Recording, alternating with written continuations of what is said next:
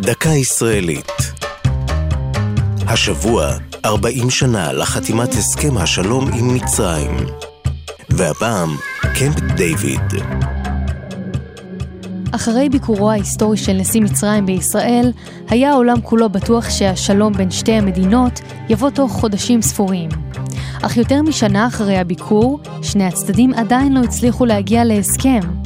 המבוי הסתום הביא את נשיא ארצות הברית דאז, ג'ימי קרטר, להזמין את מנהיגי שתי המדינות לוועידת פסגה מכרעת.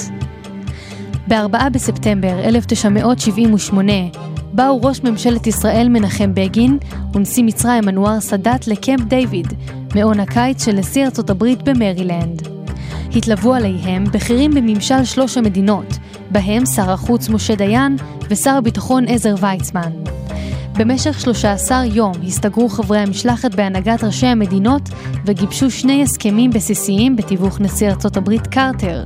הראשון, מסגרת לשלום במזרח התיכון, שהתמקד בבעיה הפלסטינית ובהפעלת אוטונומיה ביהודה ושומרון ורצועת עזה כפתרון זמני.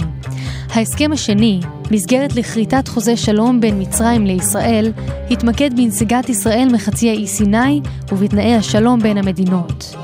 ההסכמים הללו היו הבסיס להסכם השלום בין שתי המדינות, שנחתם כעבור כחצי שנה. זו הייתה דקה ישראלית על הסכם השלום עם מצרים וקמפ דיוויד. כתבה תמר ליכטינגר, ייעוץ הפרופסור אריה קצוביץ', הגישה נועם גולדברג.